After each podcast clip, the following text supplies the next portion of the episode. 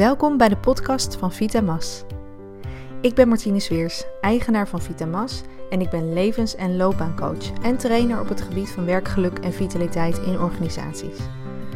Ik vind niets leuker dan puzzelen met mensen en teams. En ik lees en leer voortdurend bij over wat mensen beweegt, hoe je jezelf kunt ontwikkelen, ehm, zowel in het leven op persoonlijk gebied, maar ook in werk en in je loopbaan. En in deze podcast neem ik je graag mee in mijn speurtocht naar al die dingen. En ik deel van alles over leven, loopbaan, maar nog veel meer. Alles voor een mooi leven in deze Mooi Leven podcast. Veel luisterplezier. Podcast 24. Waarom je niet moet wachten. Een persoonlijke podcast dit keer. Eentje die ik bedacht toen ik mijn terugblik deed op het afgelopen decennium. Eh, we hebben natuurlijk tien jaar weer afgesloten en we zijn nu in de jaren twintig gestapt. Dus ik heb eigenlijk niet alleen naar mijn jaar teruggekeken, maar naar mijn hele decennium. En toen kwam ik weer op dat hele verhaal wat ik je zo ga vertellen. Um, als je nou ook wilt terugblikken, dan uh, lees dan vooral even de blog van vorige week. En ook de, bij de video van december zit een werkblad dat je kan gebruiken om alsnog even terug te kijken naar jouw jaar, jaren. Uh, en ook vooruit gaat kijken naar dit jaar. Ook al is de eerste maand alweer bijna op zijn eind, uh, is het toch heel goed om alsnog een plan te maken voor 2020 als je dat nog niet hebt gedaan. En zeker als je deze podcast hebt geluisterd. In 2013 ging ik in de loop van nou, februari ongeveer ging ik steeds slechter zien met mijn rechteroog. En eerst dacht ik dat mijn lens niet goed was, dus ik ging naar de opticien, maar dat was het niet echt. Uh, ze konden in ieder geval niks vinden. Dus toen dacht ik, nou, misschien is het migraine. Dat slaat wel vaker op mijn oog. Maar um, dat, was het, ja, dat was het ook niet. Ik kreeg maar geen hoofdpijn. Ik heb zelfs een, een migrainepil ingenomen, maar het verdween maar niet. En mijn zicht werd langzaam, maar zeker wel wat slechter. En ik kon steeds minder licht verdragen. En ik begon behoefte te krijgen om mijn zonnebril te gaan dragen, ook als ik binnen was. En ik zat op mijn werk hele dagen achter de computer met TL-verlichting. En dat trok ik eigenlijk gewoon steeds minder. Dus het begon echt wel een beetje vreemd te worden. Dus het werd tijd voor de huisarts. En de huisarts die deed zo'n testje, wat ze in films wel eens doen. En waarbij je een vinger moet volgen met je ogen. En dat daarna iemand een hersentumor blijkt te hebben. Dat ging natuurlijk even door mijn hoofd. En ik zag wel enige twijfel bij de huisarts, maar ik ging met een verwijzing voor de oogarts weer naar huis. En dat had me wel wat gerustgesteld. Dat klinkt toch minder spannend uh, dan naar een neuroloog bijvoorbeeld. Maar het feit dat de huisarts een snelle tussendoorafspraak maakte bij de oogarts maakte me ook niet helemaal uh, blij. Maar goed, het is ook wel fijn natuurlijk als je dan snel door kan. Al met al kon ik wel redelijk rustig blijven, want ik legde mezelf eigenlijk gewoon een Google-verbod op. Dus ik mocht niet googlen op enge oog- en hersenziektes. En verbood ook mijn moeder om dat te doen, die zich er overigens niet aan hield, maar goed. Um, eerst maar eens naar de oogarts, dacht ik. Nou, dus ook allerlei testjes gedaan met de oogarts. Mijn oog werd steeds slechter, in, ook in die periode. Maar de oogarts kon ook niks vinden. En een, een bepaalde testjes bleven onbeslist, dus die moesten nog een keer. Nou, ging weer een week overheen. En uiteindelijk zag ik, zat ik dus bij die oogarts en die gaf me toch weer een brief mee. En natuurlijk, ja, richting toch die neuroloog. En ook daar kon ik snel terecht, werd me toegezegd. Nou, dat klinkt heel geruststellend, maar dat voelde het natuurlijk niet heel erg. Ik was niet in paniek of wat dan ook, maar ja, ik kon toch niet helpen om af en toe na te denken over, jeetje, wat voor nare aandoeningen zou ik allemaal kunnen hebben. En ik ging steeds slechter zien, maar ook mijn reactievermogen werd slechter en mijn energie ging omlaag. Dus ik begon me natuurlijk wel echt zorgen te maken. En ook al probeerde ik mezelf gewoon um, heel erg in het moment te houden en gewoon, uh, zolang ik nog niet wist, niet te veel na te denken over alle enge dingen. Toch is dat natuurlijk lastig in zo'n periode. En ga je altijd toch een beetje denken van jeetje, wat als? Het werd zelfs zo heftig dat ik uh, een paar uurtjes had gewerkt. Uh, ik werkte geen hele dagen meer, want dat redde ik gewoon niet. Dan liep ik naar huis en op het moment dat ik thuis was, was ik zo moe dat ik eigenlijk niet eens meer de moeite deed om mijn jas uit te trekken en op de bank te gaan liggen. Ik ging gewoon, ik deed de deur dicht en ging gewoon even op de mat liggen. gewoon even bij de deur, omdat ik gewoon heel even moest bijkomen. En daarna had ik pas de energie weer om naar de bank te gaan en daar dan verder even te gaan slapen. Zo moe was ik. Dus het was wel echt best wel extreem. Nou, nou is eigenlijk dat medische verhaal niet zozeer de kern van wat ik je wil vertellen in deze podcast. Ehm, ik zal je de clue niet onthouden. Ik zal zeker vertellen hoe het allemaal is afgelopen.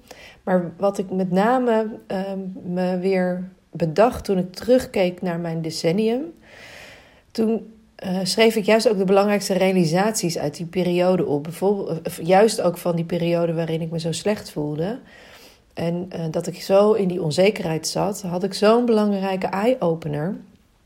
Um, en die heeft ook heel veel invloed gehad, hele positieve invloed gehad op mijn leven.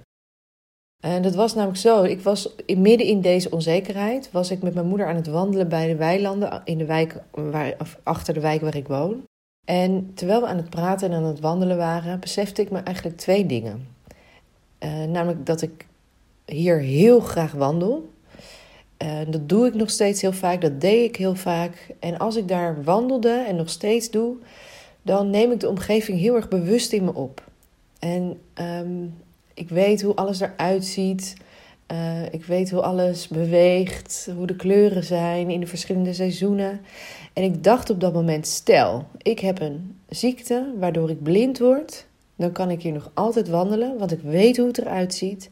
In alle seizoenen, alle weersomstandigheden. Ik weet hoe de vogels vliegen, hoe de bloemen eruit zien, het gras meewaait in de wind. En al die beelden heb ik zo bewust in mezelf opgeslagen. Dus ook als ik niet meer zou kunnen zien, zou ik het nog altijd voor me kunnen zien.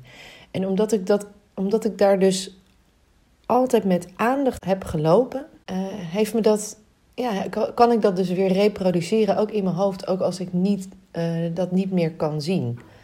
Dus dat was heel fijn eigenlijk om mezelf te realiseren dat ik dus altijd daar heel bewust heb gelopen en heb genoten van dat moment. En dat doe ik dus nu nog steeds. Gelukkig kan dat nog. Eh, en het tweede uh, punt wat ik me realiseerde was: jeetje, wat ben ik blij dat ik de afgelopen jaren heel veel heb gereisd. Want dat is iets wat ik altijd wilde. En ik heb dat in mijn. Ik ben naar mijn studie gaan reizen en daarna een hele periode niet. En uh, toen, um, toen ik mijn relatie beëindigde, ben ik weer heel veel gaan reizen. En daar ben ik heel erg dankbaar voor naar mezelf toe, dat ik mezelf dat heb gegeven. Um, ik was, was het inderdaad zat om te wachten tot het moment daar was. En ik besloot echt te gaan reizen, want dat was wat ik wilde. En dat heb ik ook echt gedaan. En in die periode dat ik niet meer zeker wist of ik nog wel gezond genoeg zou zijn, uh, om ook dat soort dingen weer te doen, kon ik heel erg terugvallen op. Ik heb het in ieder geval gedaan op het moment dat het kon. En dat gaf allemaal zoveel rust en trots en, en kracht. En het was natuurlijk niet heel een fijn vooruitzicht. Maar um, ik dacht wel, stel ik ben ziek of ik stel ik uh, kan inderdaad niet meer zien straks dan heb ik in ieder geval geen spijt dat ik dingen nog niet heb gedaan op het moment dat het kon. En jeetje, wat gaf dat een rust. Echt nou, onvoorstelbaar. En um, ja, dus nou ja, dat is eigenlijk vooral het belangrijkste wat ik wil overbrengen in dit verhaal van wacht niet tot het te laat is. En iedereen zegt het altijd, maar ik heb echt mogen ervaren hoeveel rust en kracht dat geeft op het moment dat, je, dat dingen onzeker zijn en dat je het even niet meer weet en dat je niet zeker weet of je nog dingen kan doen. Om dan te beseffen, oh, ik hoef geen spijt te hebben. Jeetje, wat is dat fijn zeg. En zo belangrijk. Dus dat gaf enorm veel vertrouwen in de toekomst, wat die ook zou uh, gaan brengen. En hoe die er ook uit zou gaan zien. Nou, uiteindelijk liep mijn verhaal veel beter af en, en ben ik helemaal hersteld. Er volgde nog wel echt een periode van onzekerheid en, um, en ik had een oogzenuwontsteking. Um, en het was, ja, misschien heb je iets met je oogzenuw, maar misschien ook niet. Je krijgt nu in ieder geval geen diagnose voor een definitieve ziekte of wat dan ook. Um, en uh, nou, ik merkte zelf heel erg dat ik mijn mate van spanning en stress heel erg, dat dat heel erg invloed had op hoe het met mijn oog ging en met mijn energie ging. Dus ik ben het gewoon maar gaan zien als een hele duidelijke volumeknop. En ik ben eigenlijk gaan meewerken met, mijn, met wat mijn lijf aangaf. En in het ziekenhuis uh, was het vooral het verhaal: ja, je moet gewoon maar afwachten hoe dit zich gaat ontwikkelen. Uh, misschien komt het wel goed, misschien wordt het slechter. Nou, en dat was eigenlijk ja, een verhaal waar, ja, daar kon ik natuurlijk niet zo heel veel mee. Want ja, dat is eigenlijk gewoon, ga maar uh, zitten wachten. En daar hou ik niet zo heel erg van. ik denk niemand. Maar dus ik ben uiteindelijk ben ik zelf mijn eigen pad daarin gaan zoeken en gaan vinden. En ik ben dus eigenlijk heel erg gaan meebewegen met mijn lichaam. Ik geloof ook nooit zo dat je moet vechten tegen een ziekte, maar dat je moet luisteren naar wat je ziekte je wil vertellen. Wat geeft je lichaam aan? Wat heb je nodig om, uh, om hierin in je weg te vinden, in mee te bewegen? Ook al klinkt dat soms heel lastig, want je wil niet meegaan met een ziekte. Maar je wil wel um, luisteren naar wat je lichaam aangeeft. En mijn lichaam gaf, gaf mij een hele duidelijke volumeknop, uh, met name rond stress. Als ik veel stress had, dan had ik opeens weer last van mijn oog. En had ik, uh, zorgde ik dat mijn stressniveau goed laag bleef, goed in balans bleef, dan had ik geen last. Dus dat was voor mij eigenlijk, ben ik het eigenlijk als een heel mooi instrument gaan zien. Want ja, wie heeft er nou zo'n duidelijke volumeknop voor je stress en je gezondheidsniveau? Nou, bijna niemand. Dus ik ben, het bijna, ben er bijna blij mee geworden dat, dat ik dat zo goed kan aanvoelen nu. Dus dat, is, uh, dus dat heeft mij in ieder geval heel erg geholpen. En ik denk dat dat in het algemeen heel erg heeft geholpen bij de oplossing. En nou ja, je moet ook een beetje geluk hebben misschien om uh, zo goed te herstellen. Dus dat was echt heel, uh, heel fijn. Maar goed, uh, dat hele medisch is dus eigenlijk nog niet zozeer de clue. Maar je, je snapt denk ik wel dat hoe belangrijk is het dat je je zo rustig en krachtig kan voelen. Omdat je niet hebt gewacht tot het moment daar was. Ik heb de dingen gedaan die ik belangrijk vind. En dat gaf echt gewoon enorm veel kracht en enorm veel rust. En um, dat heeft me ook nog meer doen beseffen dat ik echt geniet in het moment. En genieten is zo'n belangrijke sleutel voor geluk. En uh, nou ja, ik heb het op dat moment ervaren en ik ervaar het nu nog steeds. Omdat ik me er heel be bewust mee bezig hou en heel bewust van ben dat dat zo is. Dus ik wil alleen maar tegen je zeggen, grijp je kansen.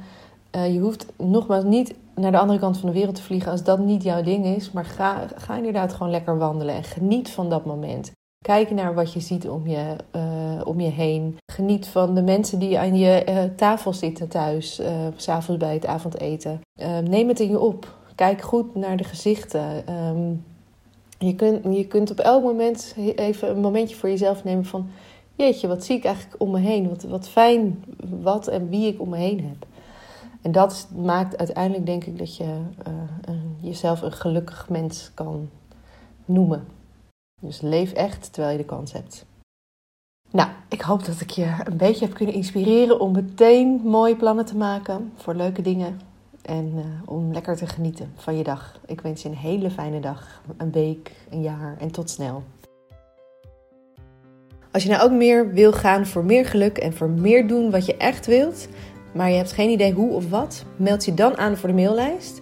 Want dan ben je als eerste op de hoogte voor de volgende ronde van Meer Leven in je Leven. In dat programma ga je in drie maanden toewerken naar doen wat jij echt belangrijk vindt in werken en leven. Uh, maar daarvoor geef ik ook een paar webinars. En daar kun je gewoon gratis en vrijblijvend aan meedoen. Dus uh, schrijf je vooral in voor de maillijst op de website www.vitamas.nl. En dan ben je als eerste op de hoogte. Tot snel!